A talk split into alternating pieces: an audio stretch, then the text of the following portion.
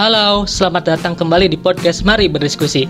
Kembali bersama saya Muhammad Isbi Abdullah yang akan berdiskusi bersama kawan-kawan semua. By the way, gimana nih kabar kawan-kawan semua? Semoga kawan-kawan diberikan kesehatan, kelancaran, serta kemudahan dalam setiap aktivitas yang dilakukan. Amin ya rabbal alamin. Di episode kedua ini, saya mengusung bahasan gerakan hidup bersih dan sehat di era pandemi. Pernah terlintas gak sih di benak dan pikiran kawan-kawan bagaimana kita hidup bersih dan sehat di era pandemi? Jangan sampai kita acuh akan kesehatan ya. Apalagi saat ini angka positif COVID-19 di Indonesia mengalami penurunan. Kita sebagai insan yang cerdas, jangan sampai tergiur oleh euforia yang tampil di sekitar kita. Kemarin saya lihat di berita ada beberapa mall dan juga tempat wisata yang sudah dibuka kembali, sehingga mengundang banyak sekali kerumunan. Yang akhirnya tempat-tempat tersebut ditutup oleh tim Satgas COVID-19 dan juga pihak berwajib lainnya.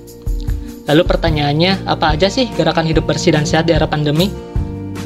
Yang pertama adalah makan makanan bergizi. Dengan memakan makanan bergizi, kita akan mendapatkan asupan nutrisi yang maksimal. Lalu yang kedua, menjaga kebersihan. Poin yang kedua ini sangatlah penting. Dengan menjaga kebersihan, pasti kesehatan kita juga akan terjaga. Lalu yang ketiga, berolahraga. Dengan berolahraga, kita akan menjaga masa otot kita dan mengurangi kolesterol jahat yang ada di dalam tubuh kita. Dan yang keempat, istirahat yang cukup. Istirahat yang cukup, yaitu tidur 8 jam dalam satu hari, dapat mengurangi resiko penyakit jantung, obesitas, dan juga stroke. Dan yang paling penting adalah menerapkan protokol kesehatan, yaitu dengan 5M.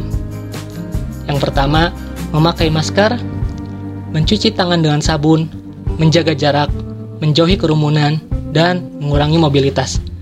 Eits, jangan lupa untuk vaksinasi di fasilitas kesehatan terdekat agar kita semua dapat terbebas dari COVID-19. Oke kawan-kawan, itulah poin-poin hidup bersih dan sehat di era pandemi. Dan jangan lupa untuk terus mengikuti episode-episode terbaru dari podcast Mari Berdiskusi. Bagi kawan-kawan yang ingin memberikan masukan dan saran, bisa melalui media sosial saya yang sudah terpampang di sampul podcast ini. Semoga kita semua selalu dalam keadaan sehat dan terhindar dari segala penyakit. See you, sampai berjumpa lagi di episode selanjutnya. Bye bye.